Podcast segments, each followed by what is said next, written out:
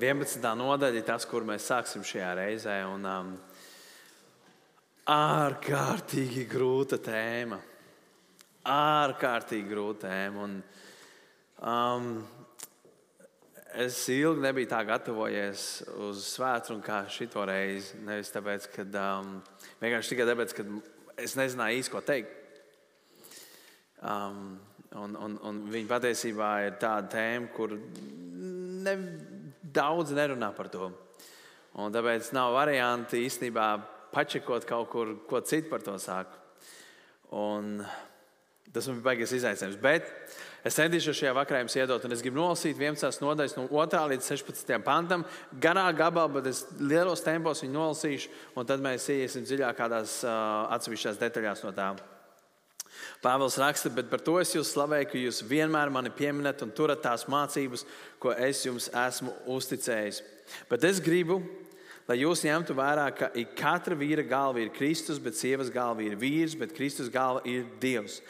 Katrs vīrs, kas dievu lūdz vai runā kā pravietis ar apsaktu galvu, apkauno savu galvu, bet katra sieva, kas ar neapsaktu galvu lūdz dievu vai runā kā praviete, dara kaunu savai galvai, jo tā ir tāpat kā apcirpta.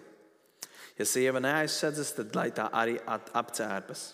Bet tā kā tas sievai ir par kaunu, ka tā ir apcirpta vai noskūta, tad lai tā aizsedzas. Bet vīram nebūs galva aizsegt, jo tas ir dieva godības attēls un atspūgs. Bet sieva ir vīra godības atspūgs. Jo vīrs nav no sievas, bet sieva no vīra.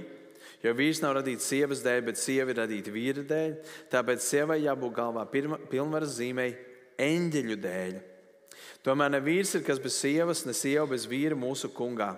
Jo it kā sieva ir no vīra, tāpat ir arī vīrs no sievas, bet tas viss ir no dieva. Spriediet paši, vai pieklājas sievai, neaizsaktai dievu lūgt. Vai pati daba nerāda jums, ka gari mati ir vīram par negodu, bet ja sievai gari mati, tad tas viņai par godu, jo mati viņai dod par apsegu. Bet ja kāds tur grib tiepties, mēs nepazīstam tādu ieražu dieva draudzēs arī ne. Um, es nezinu, kāpēc jūs nesat ar lakatiņiem sievas atnākuši. Jūs taču zinājāt, kas tekstā ir nākošais un tam līdzīgi. Bet šajā vakarā es atbildēšu uz jautājumiem, ko nozīmē galva, kas ir galva, ko nozīmē galva, ko nozīmē apsekt galvu, ko nozīmē, ka cilvēks, ja vīrietis ir dievgodības attēls un sieva ir vīra godības attēls, ko nozīmē autoritāte, kāds sakars eņģeļiem un ko māca daba. Un, protams, kam tas tiek rakstīts? Vīrietim un sievietei vai vīram un sievai? Un, um, un es gribu sākt ar otro pāntu, kā jūs redzējāt, no otrajā pāntā rakstīts, bet par to es jūs slavēju, ka jūs vienmēr mani pieminat un vienmēr turat manas mācības, ko es jums esmu uzticējis. Un man liekas, par ko Pāvils runā, jo, ja jūs atceraties, viņš pirmos desmit pāntus pirmajā nodaļā veltīja tam, lai pateiktu, kādi viņa malači ir ka viņam netrūks neviena dāvana, viņi ir bagāti visās lietās, un pēc tam viss, kas sekoja, tas jūs esat šitādi un šitādi un šitādi. Un entās reizes, vairāk kā desmit reizes, viņš saka, vai jūs nezināt, vai jūs nezināt, tādas lietas, ka viņi vispār neko nezina. Un šeit Pāvils saka, hei, es jūs slavēju par to, ka jūs vienmēr man pieminat un turēt tās mācības, ko es esmu uzticējis. Man vairāk ir sajūta tāda, ka Pāvils saka, viņš zina, ka viņi to nedara, un cilvēki, kas to klausās, viņi teiks, bet reāli mēs jau to nedarām, ko Pāvils saka. A, varbūt viņš nezina. Nē, nu tad varbūt jāsāk turēt, lai viņš atnāk, lai mēs tiešām turam tās viņa pavēles. Es nezinu, bet izklausās pēc neliela sarkasma, bet tas tāds ievads. Pa lielām tā tēma sākās no 3. līdz 6. pantam, un es nolasīšu vēl vienreiz 3. līdz 6. pantam. Pāvils saka, es gribu, ka jūs ņemtu vērā, ka katra vīra galva ir Kristus, bet sievas galvas ir vīrs, bet Kristus galva ir Dievs. Katrs vīrs, kas Dievu lūdz vai runā kā pravietis ar apsegu galvu, apkauno savu galvu, bet katrs sieva, kas ar neapsegu galvu lūdz Dievu vai runā kā pravietis, dara kaunu savai galvai, jo tā ir tāpat kā apcirta.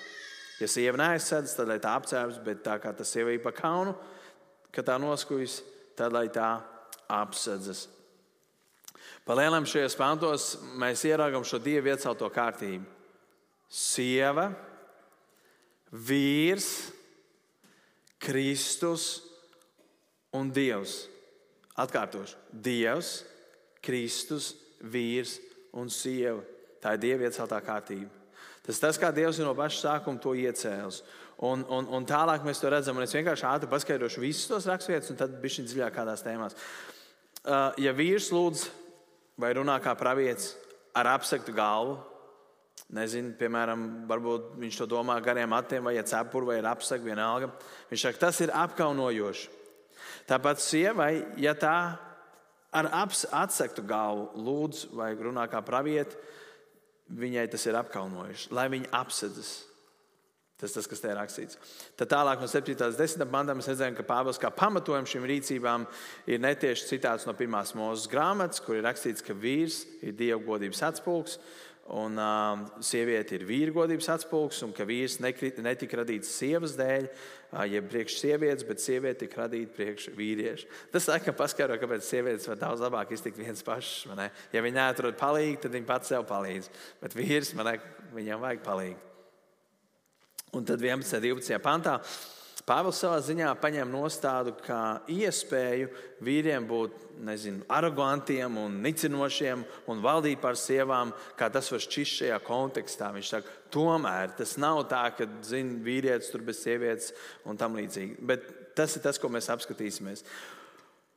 Un šeit teksts runā par galvu. Ko nozīmē galva? Kad sieva, tad, tad vīrs ir sievas galva, Kristus ir vīra galva un Dievs ir Kristus galva.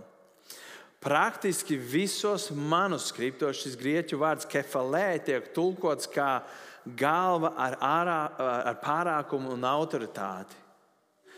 Jo otrs veids, kā tulkot šo vārdu, būtu, ka vīrs ir galva, respektīvi, no kā viss sākās, tā kā sākuma punkts. Tas būtu otrs veids, bet tad, kad mēs skatāmies kontekstā, kā šis vārds tiek lietots citās vietās Bībelē, gan izvienmēr, varētu teikt, vis, vienmēr viņš tiek lietots ar ietver sevi autoritāti.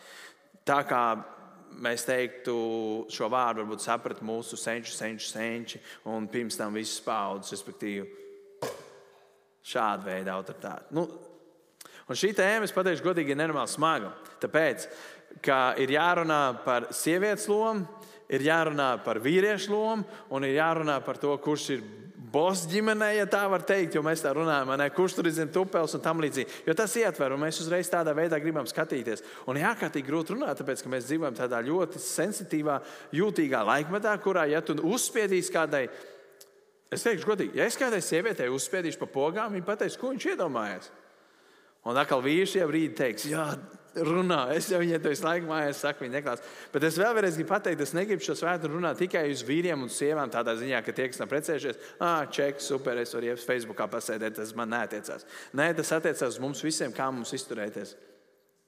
Un, um, um, un, un, un es pat viens puses domāju, varbūt tas kāds sieva man pārpratīs, un jau uzreiz būs negatīvi noskaņot pret mani, tāpēc, ka es centīšos kaut ko teikt, man nekas varbūt tev būs bijis nepatīkami un tam līdzīgi. Bet es centīšos paskaidrot, ko nozīmē, ka vīrs ir sievas galva, tāpat kā Kristus ir vīra galva. Un tad patiesībā sievietēm tā situācija šķitīs bišķiņa saulaināka un, un tam līdzīgi. Un, protams, es zinu, un ar vīriem tur ir savi pienākumi, kas būs un jādara un tam līdzīgi. Um, mēs zinām, to, ka sievietēm dažādos laikos ir bijušas dažādas pozīcijas sabiedrībā un, un tam līdzīgi. Kādreiz viņām ir bijušas labākas, kādreiz viņām bijušas sliktākas. Man nesen bija valsts, kur tikai nu pat, nu pat sievietes drīkstēja tiesības likt. A, mums jauniešu meitenes visi jau mašīnā braukā, kā 18 gadu tā tiesības rokā. Un, un, un, un, un, un, dažādās vietās arī šodien sievietēm ir dažādas um, tiesības un tam līdzīgi. Un, un, un, un interesanti ir tas, ka mūsu sabiedrībā šajā brīdī tiek celta Tā saucamā vienlīdzība. Vienlīdzība. Un daudziem cilvēkiem pat Facebookā uz bildes ir rakstīts vienlīdzība un visās valodās vienlīdzība. Un es varu pateikt to, ka tas vārds, kā tas tiek lietots šodien sabiedrībā, ir antibīblisks vārds. Tāpēc, ka tas, kā mēs lietojam vārdu vienlīdzību šodien, nav tas, ko Bībele runā par vienlīdzību. Kaut gan viņš ir viens un tas pats vārds, un to ļoti, ļoti svarīgi saprast. Un es gribu pateikt, tā, un, un, un te nav jāapvainojas nevienam. Starp vīrieti un sievieti ir atšķirības, ja jūs nezinājāt. Bet es zinu, ka jūs zinājāt, bet tur laukā daudz to nezina. Šodien tu vari izvēlēties, kas tu gribi būt. Un mums ir jābūt vienlīdzīgiem, jo es varu būt, kas es gribu būt. Bet tas nav tas, ko Bībelē mācās par vienlīdzību. Un, um, un kā jau teicu pašā sākumā, jūs neatradīsiet, ja tu iesies iekšā, nu, mans, jo es vienkārši zinu to, ka katram cilvēkam ir personalizēts algoritms, ko YouTube un Google tam met laukā. Man nemeta laukā, bet varbūt tev metīs. Bet tad, kad es iegāju YouTube vai Google un latviešu valodā uzrakstīju svētdienu vai vienkārši 1. korintiešiem 11. nodaļa no 1 līdz 16, man nevienu svētdienu neizmet laukā. Absolūti nevienu. Un, nu, protams, man tas neizbrīnīja, tāpēc, ka arī angļu valodā, kad es ierakstīju, nevarēju nevienu sakarīgu mācītāju atrast, kurš kaut ko par to tēmu teikt. Man likās nopietni. Un ko tad es tagad jaunu izdomāšu? Līdz ar to tas vienkārši parāda to, cik šai tēmai maz pieskarās. Un, protams, viņai maz pieskarās, tāpēc, ka tādās valstīs kā Amerikā šī tēma ir nenormāli sensitīva. Un tad, protams, nāk iekšā šī Black Lives Matter, man ne, melno dzīves, nezinu, ir svarīgs, kā, kā kāds sauks Latvijas, nezinu. Uh, un viss šī politika kaut kur nāk iekšā, un, un Francija un Eiropas tās attīstītās valsts, man ne, kuras ir vadošās šajā ziņā. Un tad mēs nonākam tādā, nezinu, pat apjukumā.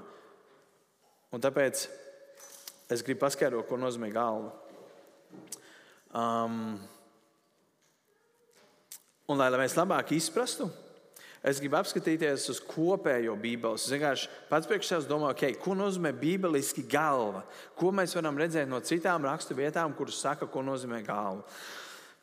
Paskatīsimies uz pašu pirmo secību. Tēvs ir galva, tas ir Tēvs, Dievs ir galva dēlam Jēzum Kristum. Bet ko mēs ieraugām, ka tad, kad dēls pakļaujas vīra, tas ir Dievam, mēs redzam, ka viņš nekādā ziņā nav mazāks par tēvu. Viņš pakļaus autoritīvu sev tēvu, viņš pilda tas, ko tēvs saka, vai ir teicis vai grib, viņš pakļaujas zem tēva, bet viņš nav zemāks. Un, ja jūs apskatīsieties un atcerieties Efeziešu 5. nodaļā, mēs lasām par to, ka um, par vīru mīlēt savus sievas tāpat kā Kristus mīl draugu. Tad, lai es saprastu, kā Es runāšu tad Dievs pirmais līmenis, Jēzus otrais, vīrs trešais, pēdējais medaļās, sievas ceturtās. Vienkārši tā ja es runāšu par šiem diviem pēdējiem līmeņiem, tad savā ziņā, lai es zinātu, kā man, kā, labi, lai vīrietis zinātu, kā viņam kā izturēties pret šo, viņam ir vispirms jāstudē, jeb jāskatās, kā Kristus izturās pret, eh, pret mums, pret mani, kā vīrieti, un, protams, pret tevi kā pret sievieti. Un, un tad ir jautājums, kā Kristus izturas pret mani, būdams mans galva. Vai viņš izturās ar to, ko tas vārds nozīmē primāri, ar vāru, ar autoritāti? Mēs varētu teikt, kaut kādā ziņā, jā. Bet, ja mēs domājam par tēvu, ja mēs domājam par Dievu kā par tēvu, tad var sanākt tā, ka daudziem no mums ir sajūta, ka Dievs ir autoritīvs. Tāpēc daudz tas, ko šodien bija teica, un tas, ko Ulds, tu teici, nē, Ilzi, nē, Jā, Ilzīt. Jūs teicāt par, par tēvu. Ne? Ja tu piedzīvo tirānisku, brutālu, autoritīvu, valdonīgu, vardarbīgu tēvu, tad tev Dievu kā tēvu būs ārkārtīgi grūti pieņemt kā mīlošu tēvu, kurš par tevi gādā, kurš par tevi rūpējas. Un, un, un tāpēc arī mums, kā vīriem, ir ārkārtīgi svarīgi iegūt pareizu sapratni par to, kāds ir Dievs kā tēvs, lai mēs zinātu, kā izturēties pret sievām. Un pirmkārt, jau pirmais līmenis, ja pirmais tāds kā pakāpiens uz priekšu, ir saprast to, ieraudzīt to rakstos, atzīt to, un otrs, tas grūtākais, to tagad iet un izdarīt tam otram cilvēkam. Jēzus man to spēja izdarīt. Viņš spēja būt mīlošs, viņš spēja rūpēties par mani. Un tagad jautājums, vai es, kā galva savai sievai, vīrietis, sievietei, vai es spēju parādīt to, ko Jēzus padarīja pret mani? Un sievietēm varbūt tas ir ļoti grūti šajā laikā dzirdēt, ka vīrs ir mans galva. Jo viss tas sabiedrības stāvoklis un sieviete arī tomēr. Un es zinu, ka jūs, kristīgās sievas, jūs mācāties pazemību. Mums visiem jāmācās pazemību. Un tomēr pasaulē Nav tāda sajūta virspusē, ka sievietes gribētu palīst un pakļauties saviem vīriem, un tam ir savs iemesls, kāpēc tas tā notiek. Jo bieži vien mūsu kultūra māca to, ka galva ir boss, galva ir tas, kas dod pavēles, galva ir tas, kurš atbild par visu. Un tu esi vienkārši tā, kas pakļaut un saka, jā, kungs, jā, kungs, jā, labi, kā tu teiksi. Nu, un, un tā, tā ir nepareiza sapratne par to. Un tāpēc ir grūti dažreiz šo tēmu dzirdēt. Bet tad, kad mēs skatāmies uz Jēzus piemēru, mēs neredzam šo, jā, jā, labi. Mēs redzam šo savstarpējo cieņu un savstarpējo mīlestību. Un vislabākais, kā mēs to ieraugām, ir Tad, kad Jēzus bija dārzā un viņš lūdza savu tēvu, viņš teica, Tēvs, ja tas ir iespējams, ka šis biķers man paiet garām, bet lai notiek tavs prāts. Tur nav tas, ka viņš jūtās. Jo tad, kad pret tevi izturās tirāniski, un brutāli un vardarbīgi, tu nekad neuzdošanāsies mans tēvs, ja tā ir tava grība, lai tas biķers man iet garām. Tu nekad tā nedzi, ne, ne, ne, ne, nu, neatbildēsi. Tas parāda to, ka viņu starpā bija šī, kaut arī bija šī kārtība, ka Dievs bija galva un Kristus bija zem tā, tomēr, un nebija nekādā ziņā mazāks, tomēr viņiem ir šī kārtība. Un es domāju, ko mēs varam mācīties no Jēzus. Jēzus teica tā, tas, kurš grib būt pirmais, lai ir otra kalps. Tu gribi būt pirmais, tu esi otra kalps. Tu gribi valdīt par otru, tu gribi būt labākais, uzlūk piedurknes, līdzīgi kā man šajā brīdī, liecies uz ceļiem, ņem ļodu, ņem dvieli un sāc mazgāt kājas. Ja tu gribi būt pirmais, ja tu gribi būt labākais, ja tu gribi būt tas galva, un viņš to parādīja. Ja es teicu mācekļiem, viņš teica, Pēter, velc no skurpes, sandāls, bet es teicu, atslābs, nenotiks, Jēzu, nē. Tu esi mans meistars. Ja kāds kādam mazgās kājas, tad tas būs eš tev, bet ne jau tu man. Ja es saku, nē, nē, nē, tā notiek šajā pasaulē, bet ne manā valstībā.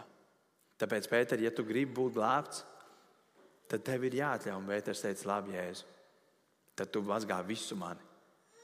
Un tas ir tas, ko mums ir ārkārtīgi grūti, jo tas iet pretī jebkam, kas, ar ko mēs saskaramies ikdienā. Jēzus, piemēram, ko mēs skatāmies, viņš atdeva savu dzīvi par mums, viņš nomira. Viņš mazgāja mācekļiem kājas. Viņš lūdza par ienaidniekiem, kas ir pilnīgi pretēji tam, kā funkcionē šī pasaule. Un tāpēc būt par galvu pirmkārt nenozīmē valdīt ar varu un autoritāti un pāri ar spēku, bet tas ir esot galvas pozīcijā, nodot sevi otram par labu. Un tas ir ļoti liels izaicinājums. Un raksturvieta, kur es gribēšu, man liekas, kur perfekti to paskaidro, un jūs droši varat atvērt Filipiešiem otro nodaļu, būs arī uz ekrāniem. Filipiešiem otrajā nodaļā, no 3. pānta līdz 8. pāntam, kā tad mums izturēties savā starpā. Un šeit mums tiek dots Jēzus piemērs.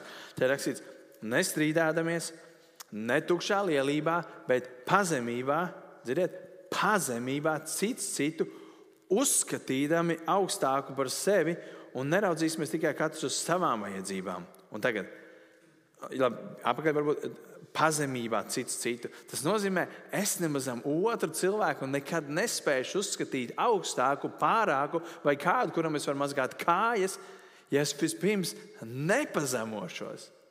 Un pazemošanās iekļaut tādu, ka tu vismaz vai galini no savu ego. Un tas ir drausmīgi grūti. Un tālāk te ir rakstīts, savā starpā Turiet tādu patprātu, kāds bija Jēzum. Tad jautājums, kāds bija Jēzum prāts? Viņš bija Dievs, viņš neturēja par laupināju līdzināties Dievam, bet ko viņš darīja? Piecas lietas.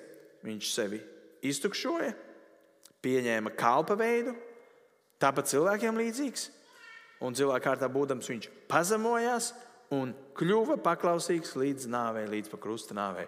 Wow! Šī raksturība parāda, ko Jēzus kā autoritāte, kā galva bija gatavs darīt priekš vīra un arī sievas, vīriešu un sievietes. Ko viņš bija gatavs darīt priekš cilvēkiem. Piecas lietas. Viņš sevi iztukšoja, tas būtu viņš sevi pazemoja, pieņēma kalpa veidu, tātad bija būdams kungs, būdams ķēniņš. Viņš pats labprātīgi izvēlējās kļūt kalps, atkal pazemība. Viņš tāpat cilvēkiem līdzīgs, pazemība. Un viņš pazemojās, pazemība, kļūdams paklausīgs līdz nāvei, līdz krustnāvei. Pazemība. Paklausīja savam tēvam, bet viņš nebija mazāks par tēvu. Kāpēc Jēzus kā galva tā rīkojās? Tāpēc, ka viņš bija paklausīgs savam tēvam un otrkārt, tāpēc, ka viņš gribēja mūs izglābt un ar savu glābšanu mums dot piemēru, kuram sekot. No kura mācīties. Tāpēc Pāvils 11. 11. nodaļas 1. pantā viņš teica, dzenieties pakaļ man, ja pareizāk, liekas, precīzāks tulkojums būtu, imitējiet mani tāpat kā es Kristu. Tāpat kā es Kristu. Un kā tad Pāvils imitēja Kristu? Es um, nolasīšu no otrās vēstures korintiešiem, 4. nodaļas, to, kā Pāvils imitē Kristu. Un tad mums būs divi piemēri šajā rītā. Jēzus un Pāvils. 4. nodaļā, 8. pantā ir rakstīts, mēs visur topam spaidīti.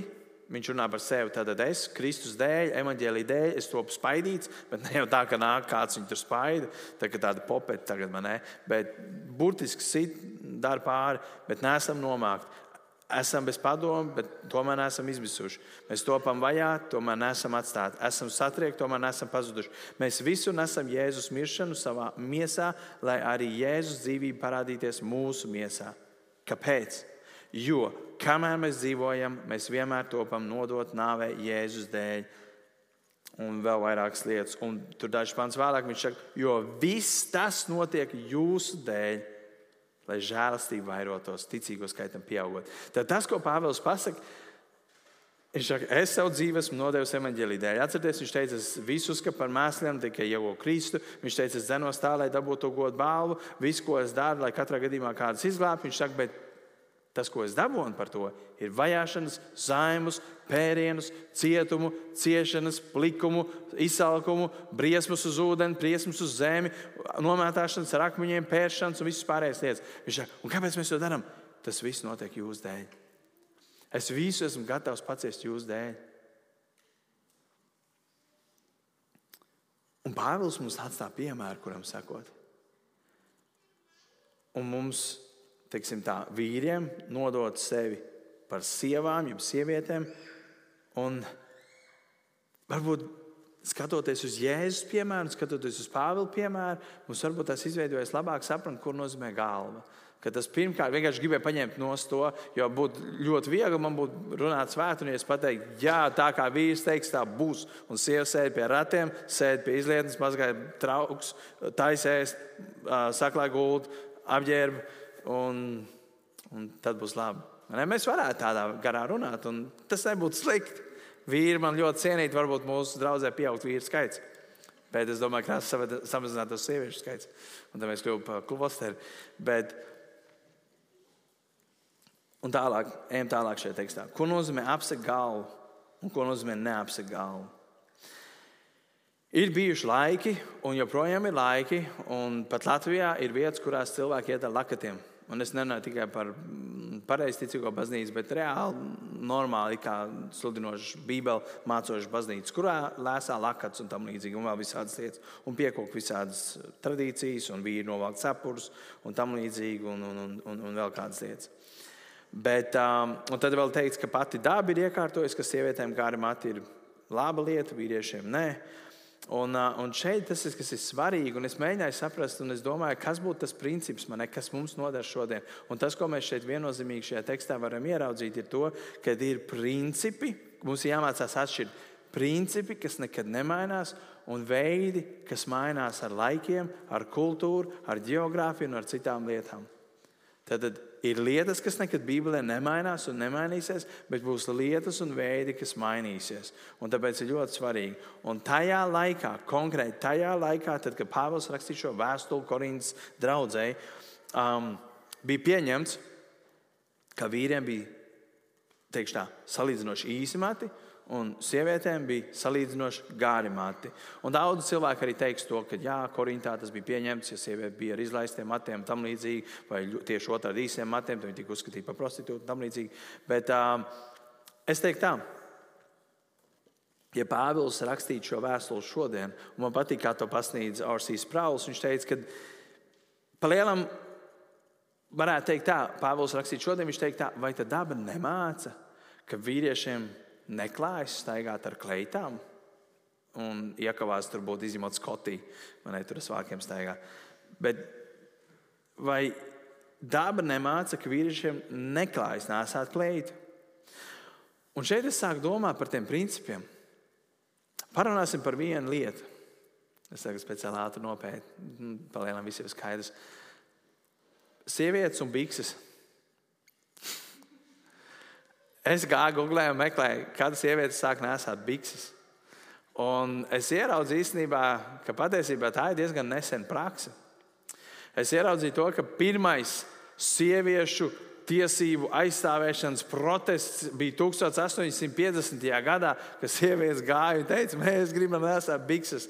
Nu, tam līdzīgi, es nezinu, ko viņas tur teica. Bet bija interesanti, ka tajā gadā pat ar likumu bija aizliegts sievietēm nesāt bikses.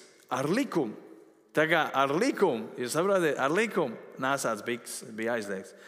Un, un tikai ap 20. un 21. gadsimts, kad sievietes tiesību aizstāvēšana stipri pieauga, un vienādas algas, un tiesības, un apģērbus gribam, un tam līdzīgi. Un, un, un, piemēram, 1863. gadā San Francisco bija, tad, tad viņi sodīja ar tiesu, ja kleitu nevilka, un klausieties, tur ir rakstīts attiecīgais dzimums.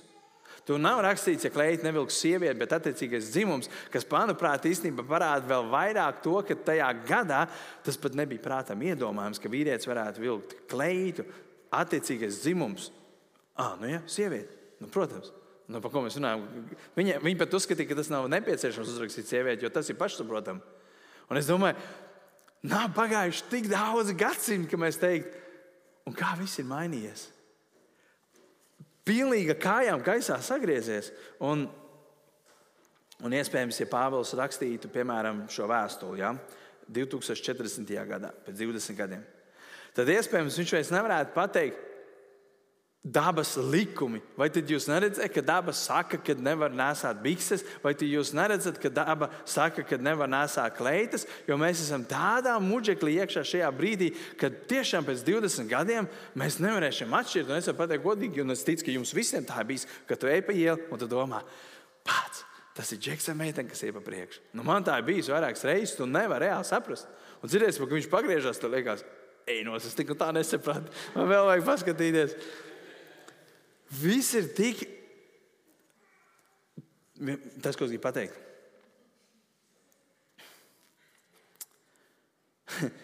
Ja Pāvils teiktu, ka bikses sievietei ir par apkaunojumu, tad es domāju, jums daudzām sāktos depresija. Jūs vienkārši, es pieļauju, ka daudzām no jums nemaz nav kleita vai svārka mājās. Un es, es jau negribu jūs nonicināt. Man viss ok, tas ir kultūra, kurā mēs dzīvojam. Ja biks tev ir ērts, ir ok, nesā bikses un kleitu un tam līdzīgi. Dari, ko tu gribi. Viņš neaizliedz kaut kādu praksi vai kaut ko tamlīdzīgu, bet tas, ko es gribu, lai mēs ieraugām, tas, kā šiem piemēriem, dažus, kurus es pie, pievietu klāt, es gribu, lai mēs ieraugām to, ka tas, ko es redzu tekstā, ir jābūt redzamai starpībai starp vīriešu dzimumu un sieviešu dzimumu. Un nevis citu dzimumu vai vēl kaut kādu, vai es izdomāšu, ka mums būs 18, starp vīrieti un sieviete ir jābūt redzamai starpībai. Man liekas, tas ir ļoti vienkārši. Un, mēs, un mū, pasaulē dara, kā viņi zina. Viņi vienmēr darīs tā, kā nevajag. Bet mums, Pāvils to raksta draudzē, viņš saka, draudzē būtu jābūt starpībai. Un te ir rakstīts 8. līdz 10. pāns, jo vīrs nav no sievas, bet sieva no vīra Jo vīrs nav radīts sievas dēļ, bet sieva vīra dēļ. Un te ir rakstīts, tāpēc sievai jābūt galvā pilnvaras zīmei eņģeļu dēļ. Eņģeļu dēļ. Tad, tad vīrs nav no sievas, sieva ir no vīra. Tas iet atpakaļ pie tā, ka Dievs izņēma ribu no vīra un no šīs manas ribas radīja lienu. Nē, tā nav. Bet Dievs rada no vīrieša sievieti, un mēs redzam, pirmajā mūža grāmatā, ka tā ir tā dieva ieceltā kārtība. Un Dievs neradīja vīru sievai, bet sievu vīram. Un tāpēc Dievs saka, un tāpēc vīrs ir sievas galva, un tāpēc vīrs ir dieva atspūgs, un tāpēc sieva ir vīra atspūgs. Un mēs ieraugām šo kārtību, kādā Dievs šīs lietas saliek. Un Un te ir rakstīts, un tāpēc sievai ir jābūt galvā pilnvaras zīmei, eņģeļu dēļ. Un es gribētu teikt, tā, ka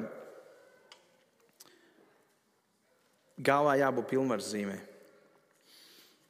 Es nedomāju, ka runa iet par tik daudz par matu garumu un par galvas apsegu.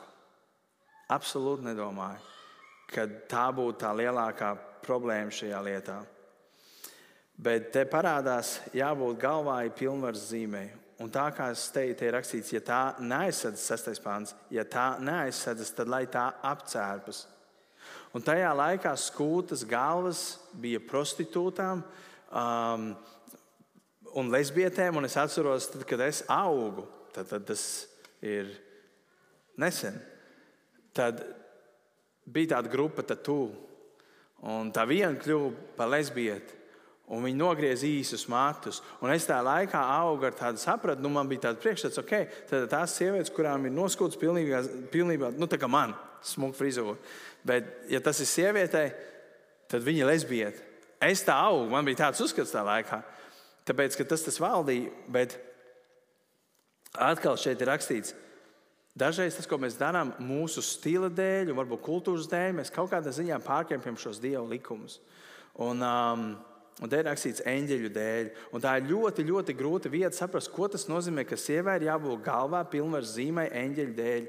Tāpēc, ka nekas vairāk netiek paskaidrots. Bet tas minimums, ko mēs varam ieraudzīt šajā visā, ir tas, ka tad, kad Dievs radīja pasauli, Un tad, kad Dievs ielika šo, kad vīrieti viņš radīja pirmo, viņš redzēja, ka nav labi, ka viņš ir viens, viņš radīja sievieti kā palīgu. Viņi ieraudzīja šo kārtību, un tāpēc, ka bija tēvs, dēls, vīrs un sieva, viņi redzēja šo kārtību. Un tad, kad mēs šo kārtību pārtraucam, grēkojam pret viņu, iespējams, mēs apēdinam eņģeļus. Iespējams, mēs parādām to, ka tas, kā Dievs bija sākotnēji radījis, eņģeļi saprot, ka kārtībai jābūt šādai, un viņi skatās uz zemi. Es ticu, ka es ticu, izjūt no dažām rakstvietām, ka šajā brīdī šeit ir eņģeļi šajā telpā, vai viņi te vienkārši sēž, skatās, klausās, tos nezinu, vai viņi tur ir ārpusē, bet viņi ir šajā pasaules telpā, tieši tāpat kā ļaunie gari. Un tur rakstīts eņģeļa dēļ. Tas nozīmē, to, ka eņģeļi vēro mūs. Tas nozīmē, ka eņģeļi redz to. Un te ir rakstīts, tev ir jābūt galvā šai pilnvaras zīmēm. Un, protams, netiek paskaidrots, kas būs, ja tev nebūs. Un, un tad 11. un 12. pāntā viņš noslēdz to domu, tomēr ne vīrs ir kas bez sievas, ne sieva ir kas bez vīra mūsu kungā. Jo it kā sieva ir no vīra, tāpat arī vīrs ir no sievas, bet tas viss ir no dieva. Un te ir tā lieta, kad mēs nevaram pateikt, ok, tad, tad ja būtu pirmie desmit pānti, mēs varētu teikt, tā, sieva, davai, diezgan skaidri Bībelē rakstīts, tu esi zem manis, es esmu pār tevi, un tad kā nu katrs žēlstībā pret sievu izturēsies. Bet šeit rakstīts, tomēr nevar teikt, ka vīrs ir kaut kas bez sievas. Um, jo tomēr abi divi mēs esam no Dieva. Un Kristu Jēzu savā ziņā mēs esam vienādi. Tad šie panti ir ļoti, ļoti svarīgi saprast, lai nav tā, ka sievas ir totāli zem tupels un ka viņām nav pilnīgi nekas. Un Pāvils apzināties saka, tomēr mēs visi esam viens otram vajadzīgi. Mums nav jāsacenšas savā starpā. Mums nav, sievām nav jācenšas būt vīriem, vīriem nav jācenšas būt sievām. Bet mums ir jā, jā, jāsaprot to savu pozīciju, un šī savstarpējā mīlestībai jābūt starp vienu un otru, kas mums ir. Un, ja vīrs grib zināt, kā būt vīram, viņš mācās no Jēzus piemēra, kā izturēties pret sievu. Ja sieva grib zināt, kā viņai būt labai sievai, viņa mācās no jēzus, piemēram. Viņa, protams, varētu mācīties no savas galvas, no vīra, piemēram. Un mēs nebūtu ļoti labā stāvoklī un situācijā. Bet arī sievām ir aicinājums mācīties no Jēzus Kristus, kā būt labām sievām. Un, protams, pēdējā lieta, kas ir vajadzīga, kad mēs iet mājās un tieksim precējušies, vīrs sāk vī, sievas, sievas sāk pīlīt vīrus, redzi un, un tam līdzīgi. Bet mums ir jāskatās uz Jēzu, kā es varu darīt to, celt otru, otru skatīt augstāk par sevi un mācīties no šī Kristus piemēra.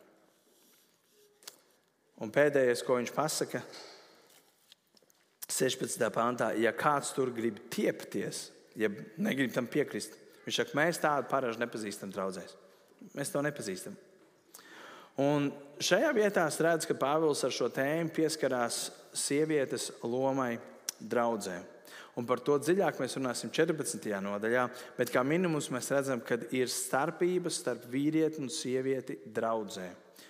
Un netieši raksturvieta norāda to, ka sievietei vēloties ieņemt šo vīrietim paredzēto amatu draudzē, un to mēs redzēsim vairāk, tur mācītājs, presbiteris, vecais, ir predabiski. Dēļ viss tā, ko viņš tikko ir skaidrojis. Un eņģeļa dēļ, un cienot un respektējot šo dieviecoto kārtību, vīram ir sava vieta un sievai ir sava vieta, kas viņai ir jāievēro. Un to mēs redzam, ka daba un pirmā mūzes nodaļa rāda, ka sieva tika radīta vīra dēļ, par palīgu vīram, jo vīram nav labi būt vienam.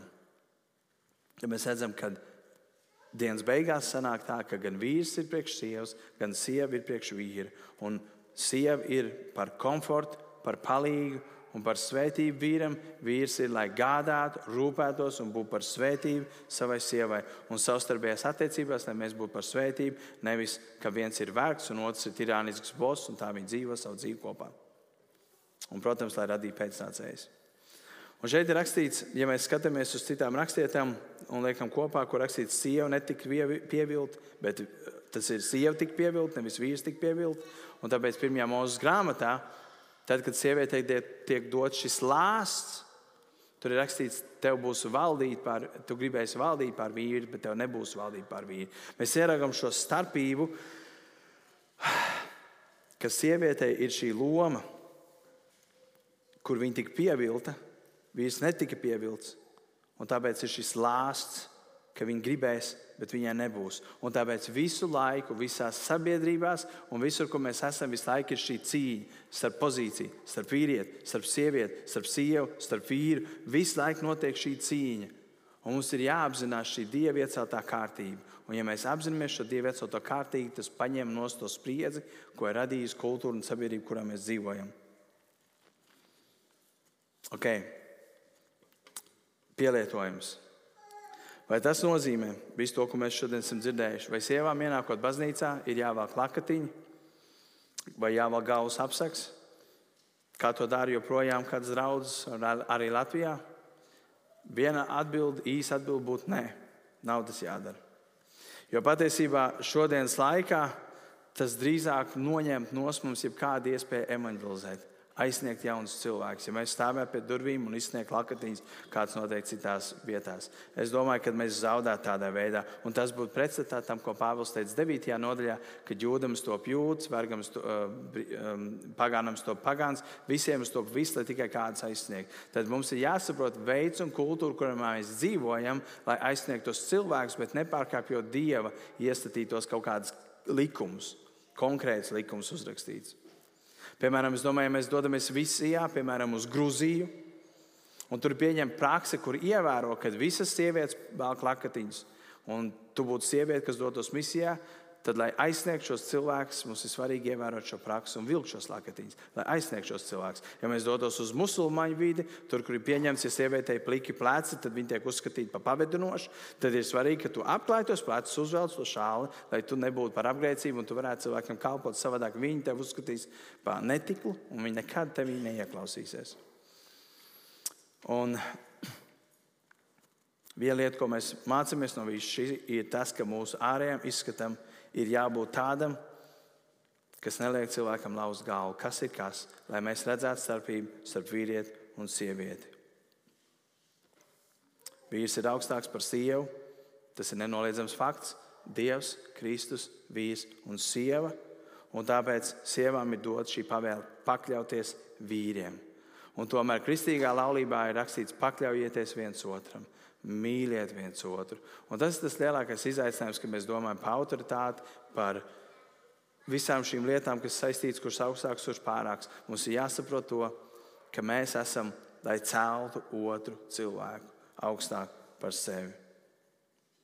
Un trešais, kā jau teicu, kad arī draudzē ir atšķirīgas lomas sievietei un vīrietim.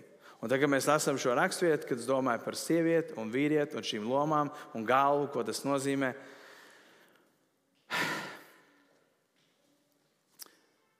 Es ļoti ceru, ka mūsu draudzē ka mēs spēsim ievērot šīs lietas, kas ir vienam, kas ir paredzētas otram, ka mēs būsim par svētību viens otram, attiecībās viens par otru.